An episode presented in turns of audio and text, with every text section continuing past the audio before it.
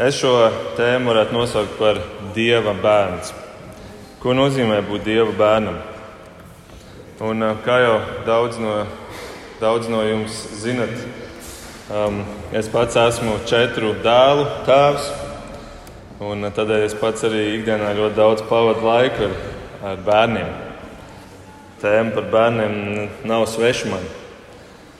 Un es domāju, ka katrs tēvs, māte šeit šodien var teikt no visas sirds, ka mēs mīlam savus bērnus. Ka tad, kad Dievs deva mums bērnus, mums atvērās jauns skats un skatījums vispār uz bērniem. Un, uh, mūsu bērni mums dod ļoti daudz prieka, ļoti daudz gaišuma ienes mūsu dzīvēm.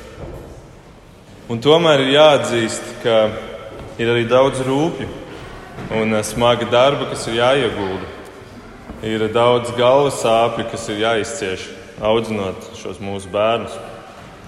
Un arī mūsu dzīvē mums ir, um, kā jau teicu, četri puikas, un mūsu ikdiena ir ļoti, ļoti aktīva. Um, tur visu laiku ir jāiegulda, jāiegulda, un, un jāpaskubina, jāpamāca, jāizrāda. Un, un, uh, tur nekas nenotiek pats no sevis. Un vakar mēs ar sievu runājām ja bērni būtu darba devēji, tad viņi gan būtu ļoti nežēlīgi. Viņi būtu ļoti prasīgi. Viņi, viņi kā darba devēji um, paziņotu, kas viņiem garšo, kas nē. Šo viņi neēdīs, viņi ēdīs tikai to. Par drēbēm, par mantām viņi ļoti prasīgi. Viņi daudz strīdētos ar kolēģiem, daudz un bez iemesla bieži vien. Kā bērni to dara ar saviem brāļiem, un māsām un draugiem. Un tu tikai brīnīties, par ko tik var atrast iemeslu strīdēties. Viņi iespējams būtu mankārīgi, šie darba devēji, diezgan skopi, sev paņemtu labāko daļu. Viņi dažreiz arī kļūst agresīvi, mēdz sist un kniept un vēl šo to darīt. Viņi reizēm ļoti skaļi smejas bez iemesla. Un es esmu novērojis, ka meitenes mēdz vairāk spiegt nekā, nekā puiši, kur drīzāk smējas skaļi.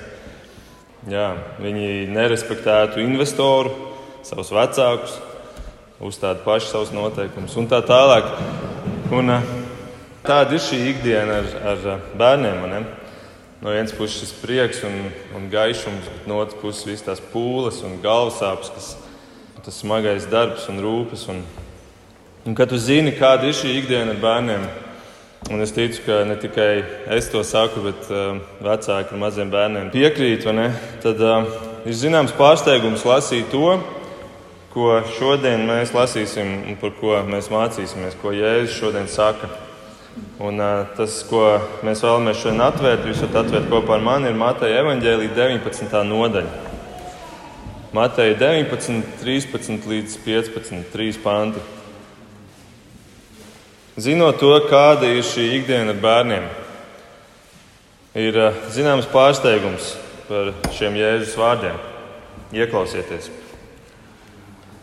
Tad ļaudis atnesa bērniņus pie Jēzus, ka viņš tiem rokas uzliktu un par tiem aizlūgtu, bet mācekļi viņus norāja. Tad Jēzus sacīja: Laidiet bērniņus pie manis, neliedziet tiem, jo tādiem pieder debesu valstība un uzlīdz tiem rokas viņš devās projām no turienes. Tātad Jēzus paņem šādu mazu bērnu, un, ja mēs paskatāmies, kā, ko nozīmē šis vārds, kas te ir minēts grieķu valodā, bērns, tad tie ir visdrīzāk mazi bērni, pat zīdaiņi. Un Jēzus šādu mazu bērnu paņem, lūk, skatieties uz viņu, viņš ir paraugs. Viņš ir paraugs. Vai tas mazliet nepārsteidz? 12 mācekļi, mācekļus tas noteikti pārsteidza. Mēs redzam viņu nostāju šajā jautājumā. Kā nekā viņi cenšas atturēt tos bērnus no vešanas pie Jēzus. Jo kā nekā taču bērni ir nu, skaļi un traucēs un, un novērsīs uzmanību. Varbūt viņi arī aizliedz, tāpēc ka viņi vienkārši ir pārāk jauni. Jo ko gan viņi varētu iegūt no šī lielā skolotāja Jēzus? Vai arī pretējā virzienā, ko gan Jēzus varētu iegūt no viņu klātbūtnes.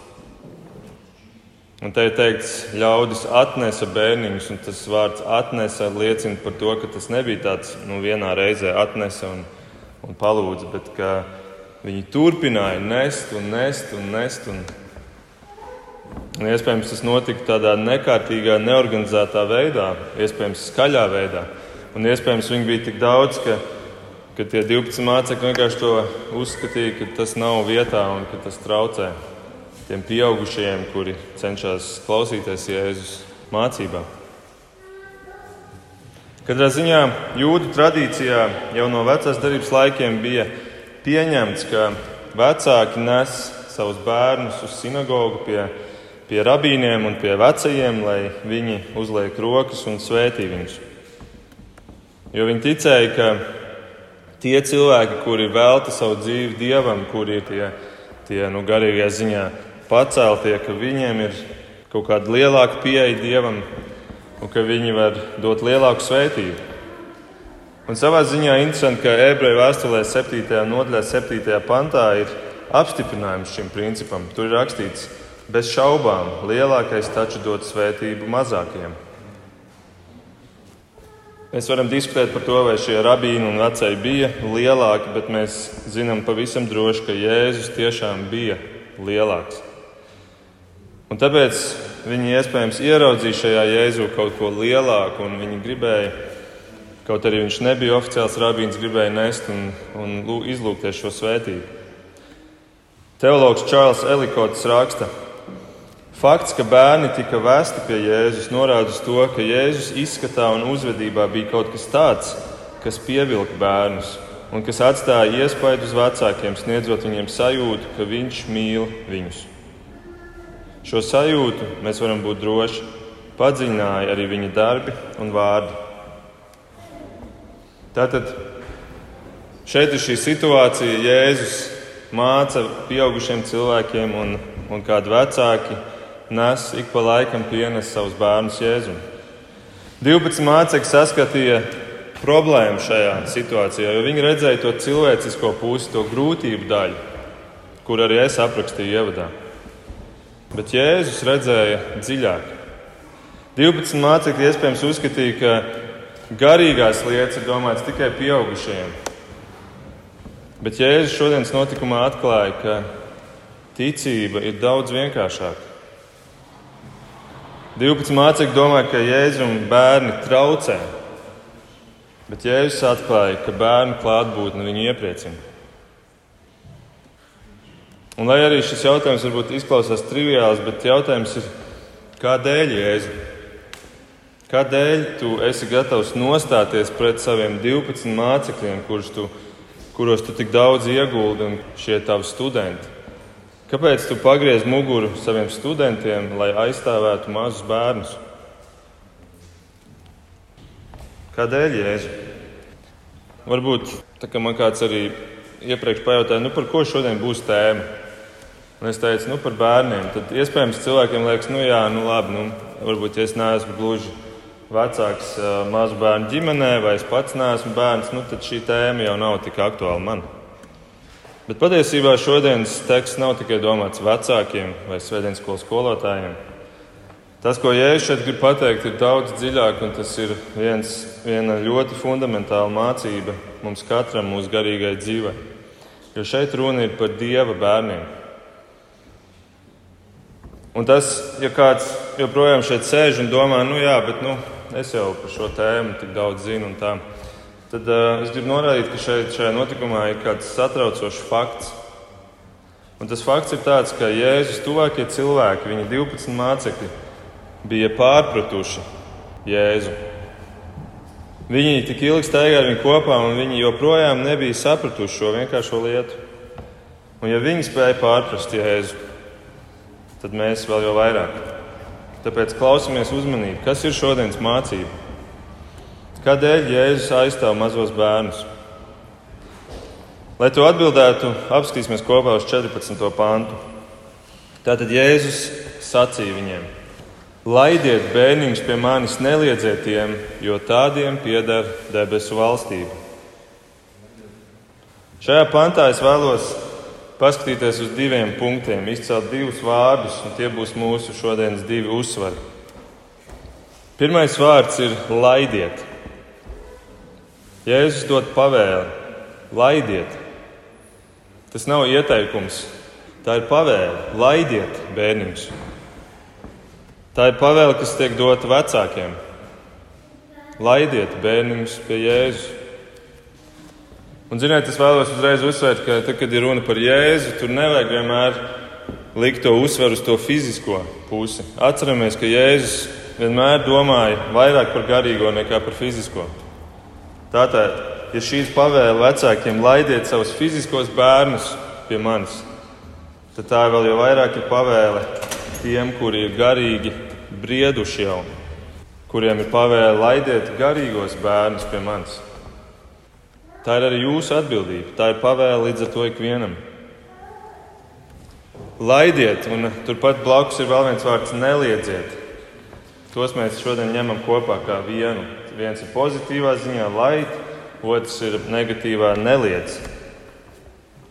Un, lai saprastu, cik svarīgi Jēzum ir šī pavēle, jo mums izlasot šo, mēs pat varbūt nemaz to neuztveram kā pavēli, bet cik svarīgi Jēzum ir šī pavēle.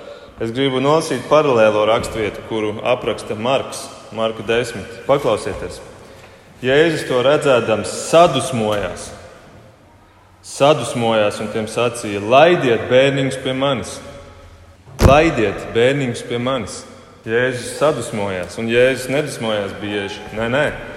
Bībelē ir patiesībā tikai četras vietas, kur, kur ir redzams, ka Jēzus dusmojās četras vietas. Divas vietas no tām ir tempļa tīrīšana, viena ir šodienas, un viena ir Mateja 23, 13.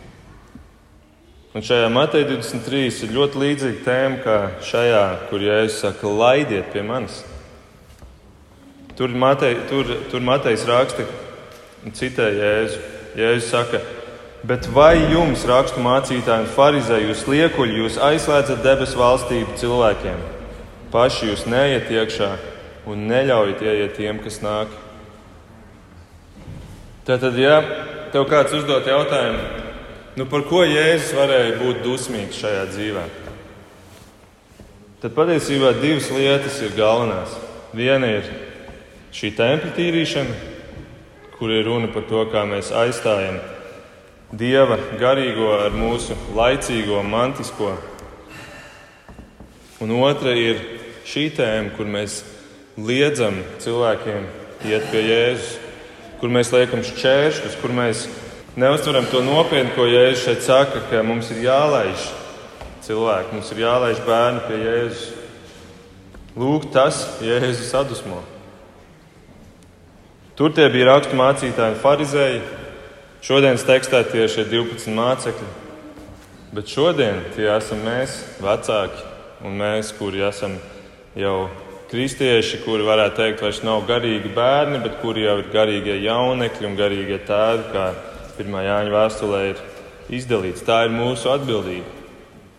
Laist cilvēkus pie Jēzus.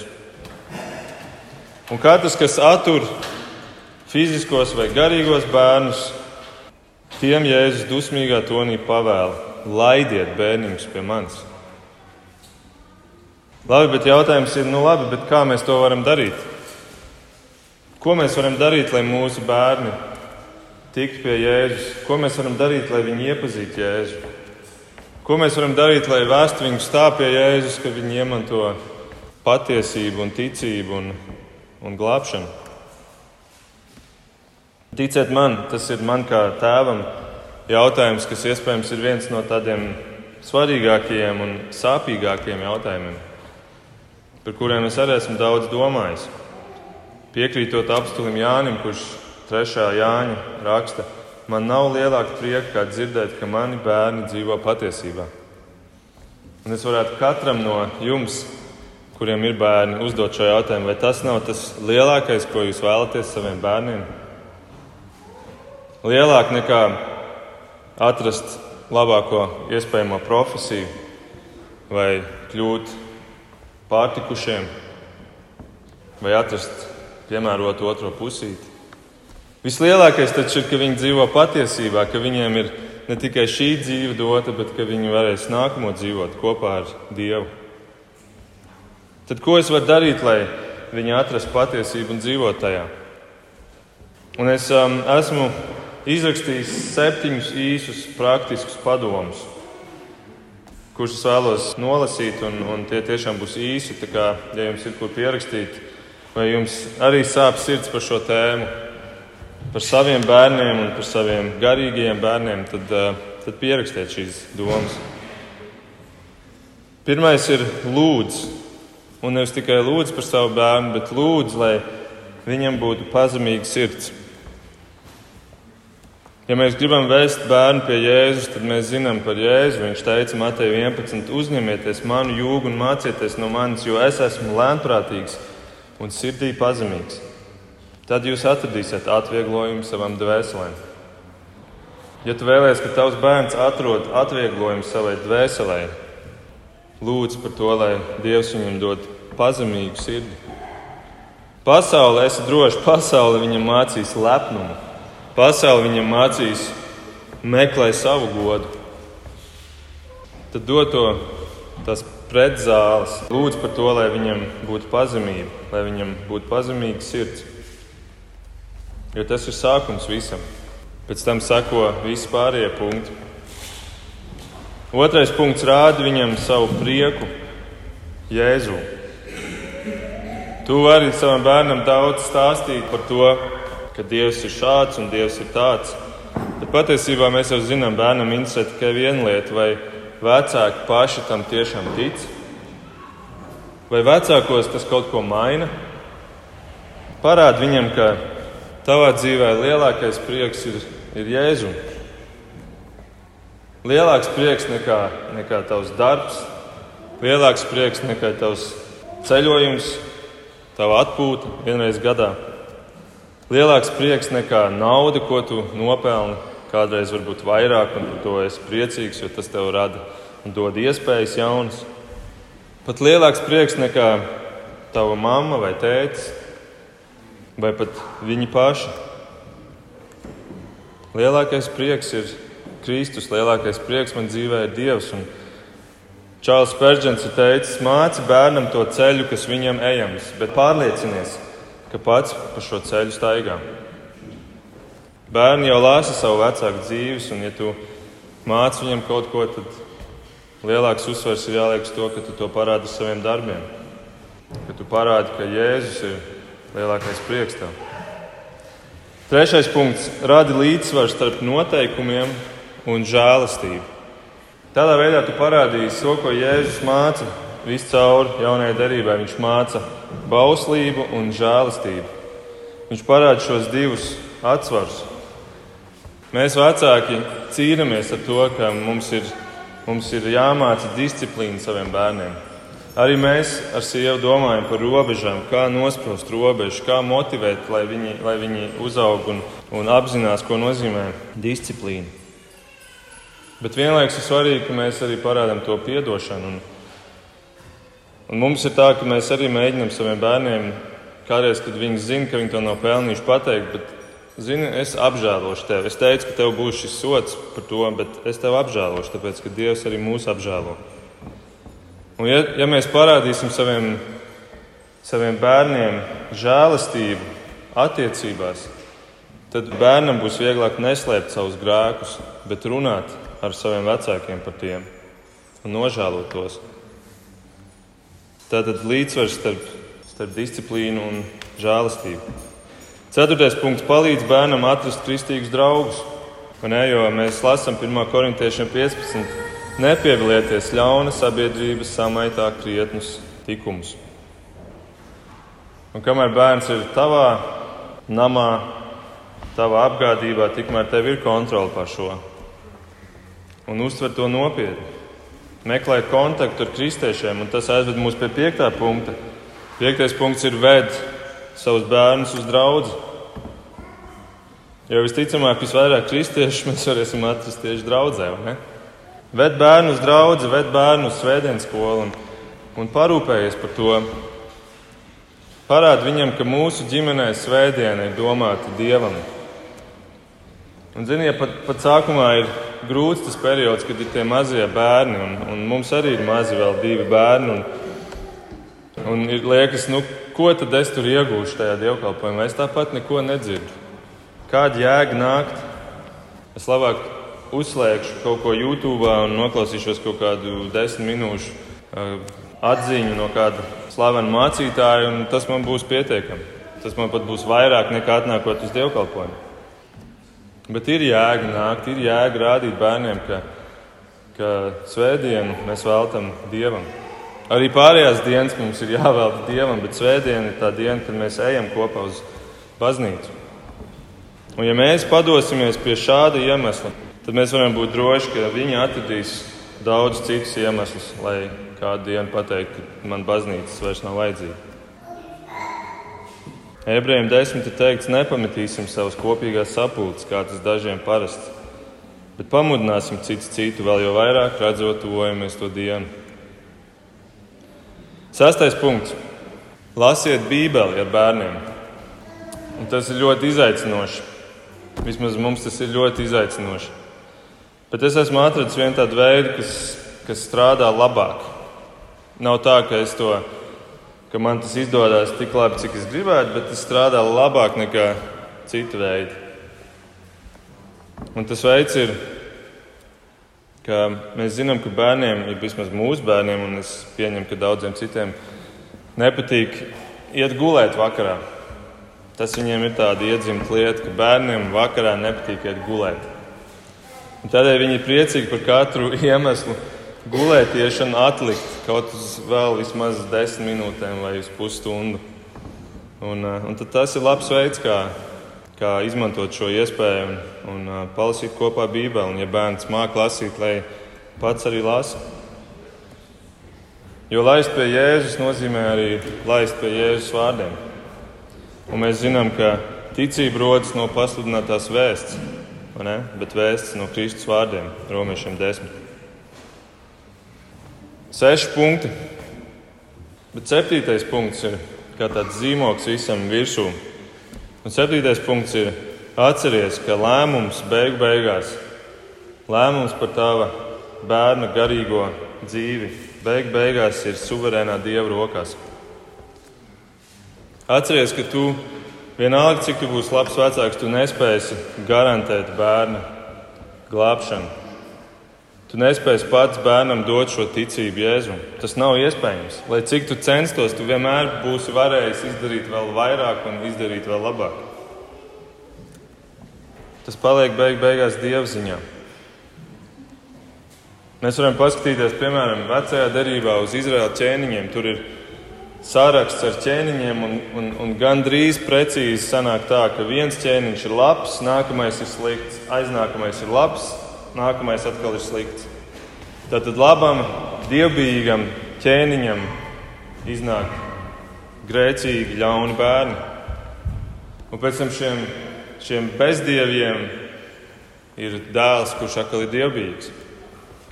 Ar to es negribu teikt, ka nav jēgas ieguldīt bērnos, bet es gribu teikt, ka tā ir ka tas nav mūsu varā bērnam dot šīs mūžīgās dzīves atslēgu. Tas nav mūsu varā viņus pārliecināt, nav mūsu varā dot viņiem ticību. Pirmā korintiešiem divi ir rakstīts, to mēs runājam nevis cilvēciskas gudrības, tātad arī vecākiem cilvēciskas gudrības, bet gan gara mācītos vārdos, garīgo izskaidrojami garīgi. Miesiskais cilvēks nespēja uzņemt to, kas nāk no dieva gara, jo tas viņam ir muļķība. Viņš nevar to saprast, jo tas ir izdibināms garīgi. Tad, pirms cilvēks vispār spēja uzņemt dieva vēsti, viņam ir jākļūst par garīgu, un tas ir dieva darbs. Katrs bērns piedzimst ar iedzimto grēku un ir dieva acīs garīgi mirs. Un tikai tad, kad Dievs iedves šo garīgo dzīvību, viņš sāk saprast. Un tas ir Dieva darbs. Dievs to dara savā žēlastībā, nevis mēs to izdarām ar saviem darbiem, mēs vecāki. Efeziešiem 2,8 teikts, jo žēlastībā jūs esat izglābts ar ticību, un tas nenāk no jums. Tas nenāk no jums, vecāki. Tā ir Dieva dāvana. Un tāpēc atcerieties to, un ja nu gadījumā tev tagad ieskanās šī doma ar tādu bezcerības pieskaņu, tad nē, nē, nē, nē tu esi nepareizi sapratis. Tas ir tieši ar cerības gaismu. Jo pat ja tev ir izauguši bērni jau lieli un ir pieauguši un ir aizgājuši pasaulē prom no draudzes, tu vari turpināt lūgt par viņiem, jo beig beigās tas ir Dieva ziņā. Tāpēc turpini un nepadodies. Kas cilvēkam, kas tev nav iespējams, Dievam ir iespējams. Un ticība ir Dieva dāvana. Lūk, septiņi veidi, kā laist bērnus pie Jēzus, kā izpildīt šo Jēzus pavēlu. Un ir vēl desmitiem citu veidu. Un, ziniet, šos punktus es sev visvairāk sludinu, jo man tas ir vajadzīgs kā vecākam. Man tas ir vajadzīgs. Ja es saku, laid viņus, un ja es to saku dusmīgā tonī, kādēļ Jēzus tik dusmīgi, atgriežoties pie mūsu notikuma? Kādēļ tu uzsver to tik nopietni? Paklausieties, kādēļ. Jēzus saka, jo tādiem pieder debesu valstība. Bieži dzirdēts teikums, bet izlasiet uzmanīgi, ieklausieties uzmanīgi jo tādiem pieder debesu valstība. Un tas ir mūsu otrais vārds - pieder. Jēzus ir tik dusmīgs tādēļ, ka 12 mācekļi aizliedz bērniem nākt pie viņa, pie viņa, pie debesu valstības ķēniņa. Kaut gan šiem bērniem pašiem pieder šī debesu valstība. Tas būtu tā, ja tu pēc dievkalpojuma ej atpakaļ uz savu mašīnu, un tur kāds stāv un saka, nē, nē, nē, nē tu te nevarēsi kāpt iekšā. Un tu saki, kā tas ir? Tā ir mana mašīna, viņa pieder man. Vai arī tu aizēji vakarā mājās, un kāds stāv pie durvīm un saka, nē, nē, tu nevari te iet iekšā. Un tu saki, ko? Kāpēc tu man attur? Bet tas ir mans dzīvoklis, tā ir mana māja, tā pieder man. Un arī šeit 12 mācekļi attur kādus, kuriem pieder šī vieta. Viņiem pieder pieeja pie Jēzus. Un es nezinu, kā jums, bet man uzreiz ir jautājums, labi, labi, labi kas tad ir šie viņi? Kā? Viņiem pieder debesu valstība. Kas ir šie viņi? Kas ir šie bērni? Vai tie bija tie daži bērni, tie pieņemsim 25 bērni, kuri tika nesti un pie Jēzus, vai tie bija šie, vai tie šiem pieder? Protams, ka nē. Vai varbūt Jēzus domāja, visi mazie, mazie zīdainīši, tiem pieder debesu valstība? Arī nē. Kaut arī es ticu un es piekrītu tiem, kuri saka, ka, ka bērnam pieder mūžīgā dzīve. Viņš tiks, ja viņš nomirst vecumā, kurā viņš vēl neapzinās grēku, Dievs pieņems viņu. Jo cilvēks, sākot ar pirmo apzināto grēku, kuru mēs, protams, nevaram to brīdi nevaram noteikt, bet Sākot ar pirmo apzināto grēku, cilvēks kļūst atbildīgs Dievu priekšā. Bet nē, tie nebija domāti tie konkrētie bērni. Tie nav domāti bērni līdz kādai vecuma robežai. Jo Jēzus nesaka šeit, šiem pieder debesu valstība. Viņš nesaka, laidiet viņus, jo šiem, lūk, šiem pieder. Ko viņš saka tā vietā? Paskatieties, ko viņš saka, un tas ir ļoti svarīgi. Šī atšķirība ir ļoti, ļoti būtiska. Viņš saka, šādiem, angļuiski of such, šādiem pieder. Tā nav norāde uz konkrētiem cilvēkiem, bet tas ir apzīmējums cilvēku veidam. Tas ir apzīmējums kādam, kādām pazīmēm, kādām raksturu īpašībām. Šādiem cilvēkiem pieder debesu valstība. Tātad, jā, te nav runas par fiziskiem bērniem, te ir runa par garīgiem bērniem. Šādiem cilvēkiem, kuri līdzinās šiem bērniem. Šeit ir runa par dieva bērniem. Alberts Bārns savā komentārā par šo raksturvietu raksta: Ik viens, kurš nebūs pazemīgs, pašaizliedzīgs un pakļāvīgs, nebūs patiesa Kristus sekotājs un viņa valstības loceklis. No šādiem, tātad no personām, kurām ir tādas pazīmes kā šiem, ir jāsastāv draudzē. Viņš nesaka, ka no šiem zīdaiņiem, bet gan tādām personām, kas viņiem līdzinās, vai arī ir līdzīgas raksturā, sastāv debesu valstība. Citādi beigas. Lūk, tātad te ir runa par garīgiem bērniem, par jaundzimušiem cilvēkiem, kuri no garīgās nāves ir pārcēlušies, pārcelti uz jaunu dzīvību. Jauni piedzimuši dieva bērni. Un ziniet, ko šis notikums mums māca līdz ar to, ka dieva bērniem nekad, nekad, nekad nav liekta pieeja pie Jēzus. Dieva bērniem nekad nav liekta pieeja pie Jēzus. Dieva bērni ir tādi kā šie zīdaiņi, kā mazie bērni. Viņi mīl bez nosacījuma, viņi ir vienkārši ticībā. Viņi ir nevainīgi tādā ziņā, ka viņi neapzinās grēku. Tādēļ pat mūsu, pēc mūsu likumdošanas, ja bērns izdara kādu pārkāpumu, viņš netiek tiesāts tā kā pieaugušie. Kādas vēl ir pazīmes, viņi ir pazemīgi. Mēs arī iepriekšējā reizē par to mācījāmies. Jo viņi visā uzticās saviem vecākiem. Viņi neuzskata, ka man ir jānopelna manu vecāku labvēlību. Un Jēzus šādus mazos bērnus padara par savas debesu valstības emblēmu, jeb paraugu.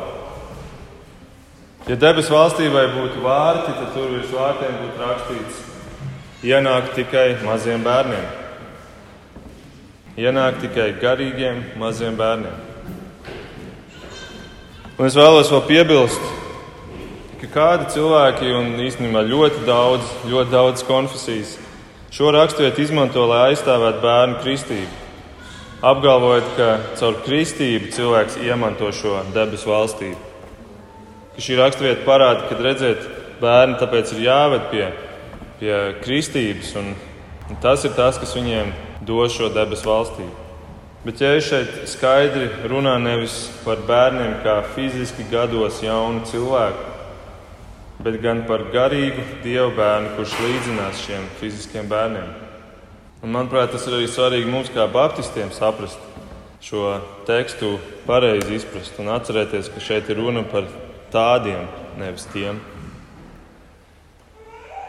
Teologs Džons Džils raksta par šo No šīs mācekļu norāšanas un aizliegšanas izskatās, ka ne jūdiem, ne Jānim Kristītājam, ne Jēzum Kristum un viņa mācekļiem nav bijusi prakse kristīt bērnus. Jo, ja tā būtu jau apritē, tad mācekļi diez vai būtu norājuši tos, kuri nesa bērnus pie viņiem.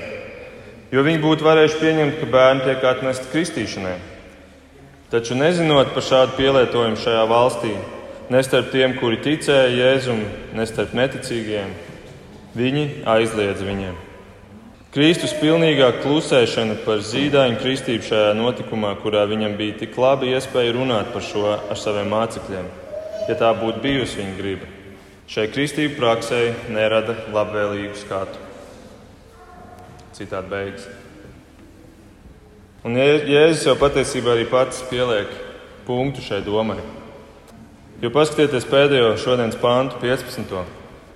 Tur rakstīts, un uzlīdz tiem rokas viņš devās projām no turienes. Viņš nekristīja šos bērnus. Viņš uzlika viņiem rokas, un uzlikt rokas nozīmē svētīt, jeb nodot svētību. Un tādēļ arī mēs, kā jūs jau zinat, mēs arī to darām mūsu, mūsu draudzē. Ka mēs svētam bērnus, mēs uzliekam rokas viņiem. Tā būtu atsevišķa tēma, par ko mēs varētu runāt, ko nozīmē svētīt. Bet acīm redzot, Jēzum tas bija kaut kas svarīgs. Acīm redzot, svētībai ir liels spēks. Jo padomājiet, šīs sākotnējās dusmas, kas ir kristumi, par to, ka jūs nelaižat viņus, šīs, šīs dusmas, ka Jēzus saka, nu, kāpēc jūs tā darat? Jums ir, jums ir jālaiž pie manis. Kāpēc jālaiž? Un tad mēs apstāmies, kā tas notikums beidzās, un tur tas viss beidzās ar šo svētīšanu. Tātad Jēzus dusmas savā veidā bija tādēļ, ka viņš vēlējās viņus svētīt. Cik svarīgi, cik svarīgi Jēzum bija šī svētīšana. Laidiet tos pie manis, neliedziet tiem nākt, lai es tos varētu svētīt. Un es ticu, ka visas šīs viņa svētības, kas patiesībā ir tas pats, kas lūgšana, kas lūdzu par tevi, lai tev notiek kaut kas labs, ka visas svētības, ko Kristus jebkad ir izteicis, piepildās. Visas svētības, kuras Kristus jebkad ir devis, piepildās. Un visi šie bērni, vienalga cik viņi tur bija, 25 vai cik, viņi visi saņēma to, ko Jēzus viņam tajā brīdī novēlēja vai par ko viņš lūdza. Un, ziniet, šie bērni paši neapzinājās to. Tas notika ārpus viņu izpratnes robežām, ārpus viņu nojausmas, ārpus pat viņu atmiņas, jo viņi vēl bija mazi bērniņi. Un tieši tādēļ šis ir tik skaists piemērs, tik skaists simbols, ko nozīmē cilvēkam piedzimt no augšas. Jo viņa jaunpiedzimšana notiek ārpus viņa paša sapratnes. To dara šis suverēnais Dievs, kurš dod šo žēlastības dāvanu. Un tāpat kā fizisks bērns neko nespēja pielikt pie savas dzimšanas, kur nu vēl pie savas ieņemšanas, jeb pie ieņemšanas notikuma. Tāpat arī garīgs bērns nespēja pielikt nenieku savai jaunpiedzimšanai. Tālūk ir žēlastība. Un tādēļ bērns, šāds bērns, šāds nepaklausīgs bērns, šāds bērns, kurš, kurš dara pretēji bieži vien tam, ko vecāki saka. Tieši tāpēc viņš ir tik skaists piemērs un paraugs un simbols cilvēka jaunpiedzimšanai. Jā, Jēzus saprot tādēļ, Tādēļ tādiem pieder debesu valstība. Un, ziniet, katrs, kurš, kurš ir Dieva bērns, katrs, kuram pieder debesu valstība, pieder tādēļ, ka kādu dienu, kaut kad Jēzus viņam ir uzlicis rokas un viņu svētījis. Jā, mīļā māsa mīļais brālis, Kristu mīļais Dieva bērns, tev pieder, un nevis piederēs, bet tev pieder debesu valstība. Jo Kristus tev ir uzlicis rokas un tevi svētījis. Jā, noteikti caur citiem cilvēkiem, noteikti caur lūgšanām. Daudziem no mums tas ir caur vecākiem, bet tas viss ir tādēļ, ka Kristus ir izvēlējies tevi svētīt, un Kristus svētības piepildās. Un kādu dienu mēs debesīs uzzināsim, kāds ir bijis tas mūsu ceļš, cik daudz cilvēku ir pielikuši savas rokas, lai, lai mēs atrastu Dievu, lai mēs atrastu Kristu. Cik daudz cilvēku ir laiduši mūsu pie Kristus. Kādu dienu debesīs mēs to uzzināsim, bet līdz tam, līdz tam dzīvosim tā, kā tas ir cienīgi tam, kurš ir saņēmis šo bez nopelnu. Kurš ir saņēmis šo kā mazs, spītīgs bērns, kurš ir saņēmis šo kā nespēcīgs garā nabaks, kurš ir saņēmis šo debesu valstības atslēgu, šo pieeju Kristumu, kad vien tas ir nepieciešams. Dzīvosim tā. Dzīvosim ar šo pateicību un ar šo apziņu, ka mēs esam saņēmuši paši to bez nopelna, ka mums tas pieder jau tagad. Bet dzīvosim arī tā, ka mēs laižam citus. Vispirms savus bērnus, bet arī meklējam tos garīgos bērnus, kuros mēs varam ieguldīt. Laidīsim viņus, jo mēs varam būt droši, ka tā ir Kristus griba. Viņš ir dusmīgs par to, ja mēs to nedarām. Kur nu vēl skaidrāk to var redzēt? Darīsim to, liksim mēs arī savas rokas un svētīsim cilvēkus. Laidīsim viņus pie Kristus. Lūksim Dievu. Debes Tēvs, paldies par Tavu mīļo dēlu, kur Tu sūtīji. Paldies, Jēzu, ka Tu nāc un darīji savu labā tēva gribu. Paldies, Kungs, ka Bībelē tik, tik daudz runā par to, cik tu, cik tu ļoti esi mūs mīlējis, tad, kad mēs vēl pat nesapratām tevi, kad mēs tevi vēl nevarējām mīlēt, kad mūsu prāts vēl bija aptumšots, ka mūsu garīgais cilvēks vēl bija miris. Jau tad tu mūs mīlēji, tāpat kā vecāki mīl savus bērnus, kuri stājās pretī un iespītējas un reizēm pat sit. Paldies, Kungs, Jēzu, par šo tik lielo mīlestību un žēlastību. Jā, kungs, viss gods un visa slāva pienāks tev. Un, un mēs lūdzam, ka mēs varētu būt instrumenti tavās rokās, kuri varētu iet un dot to tālāk citiem, kuri varētu laist cilvēkus pie tevis, kuri ar savu dzīvi nestātos ceļā un neliktu šķēršļus ar savu arī piemēru un ar, ar savu dzīvi, bet, kungs, ka mēs būtu tie, kuri novāc šķēršļus, kuri meklē veidus, kā to darīt savā ikdienā. Uzdod mums arī vecākiem gudrību, kā audzināt savus bērnus, lai, lai tu vari svētīt viņus un lai kādu dienu arī viņi atrastu tevi un mīlētu tevi un staigātu pa taviem ceļiem. To visu mēs kopā lūdzam Jēzus vārdā. Āmen!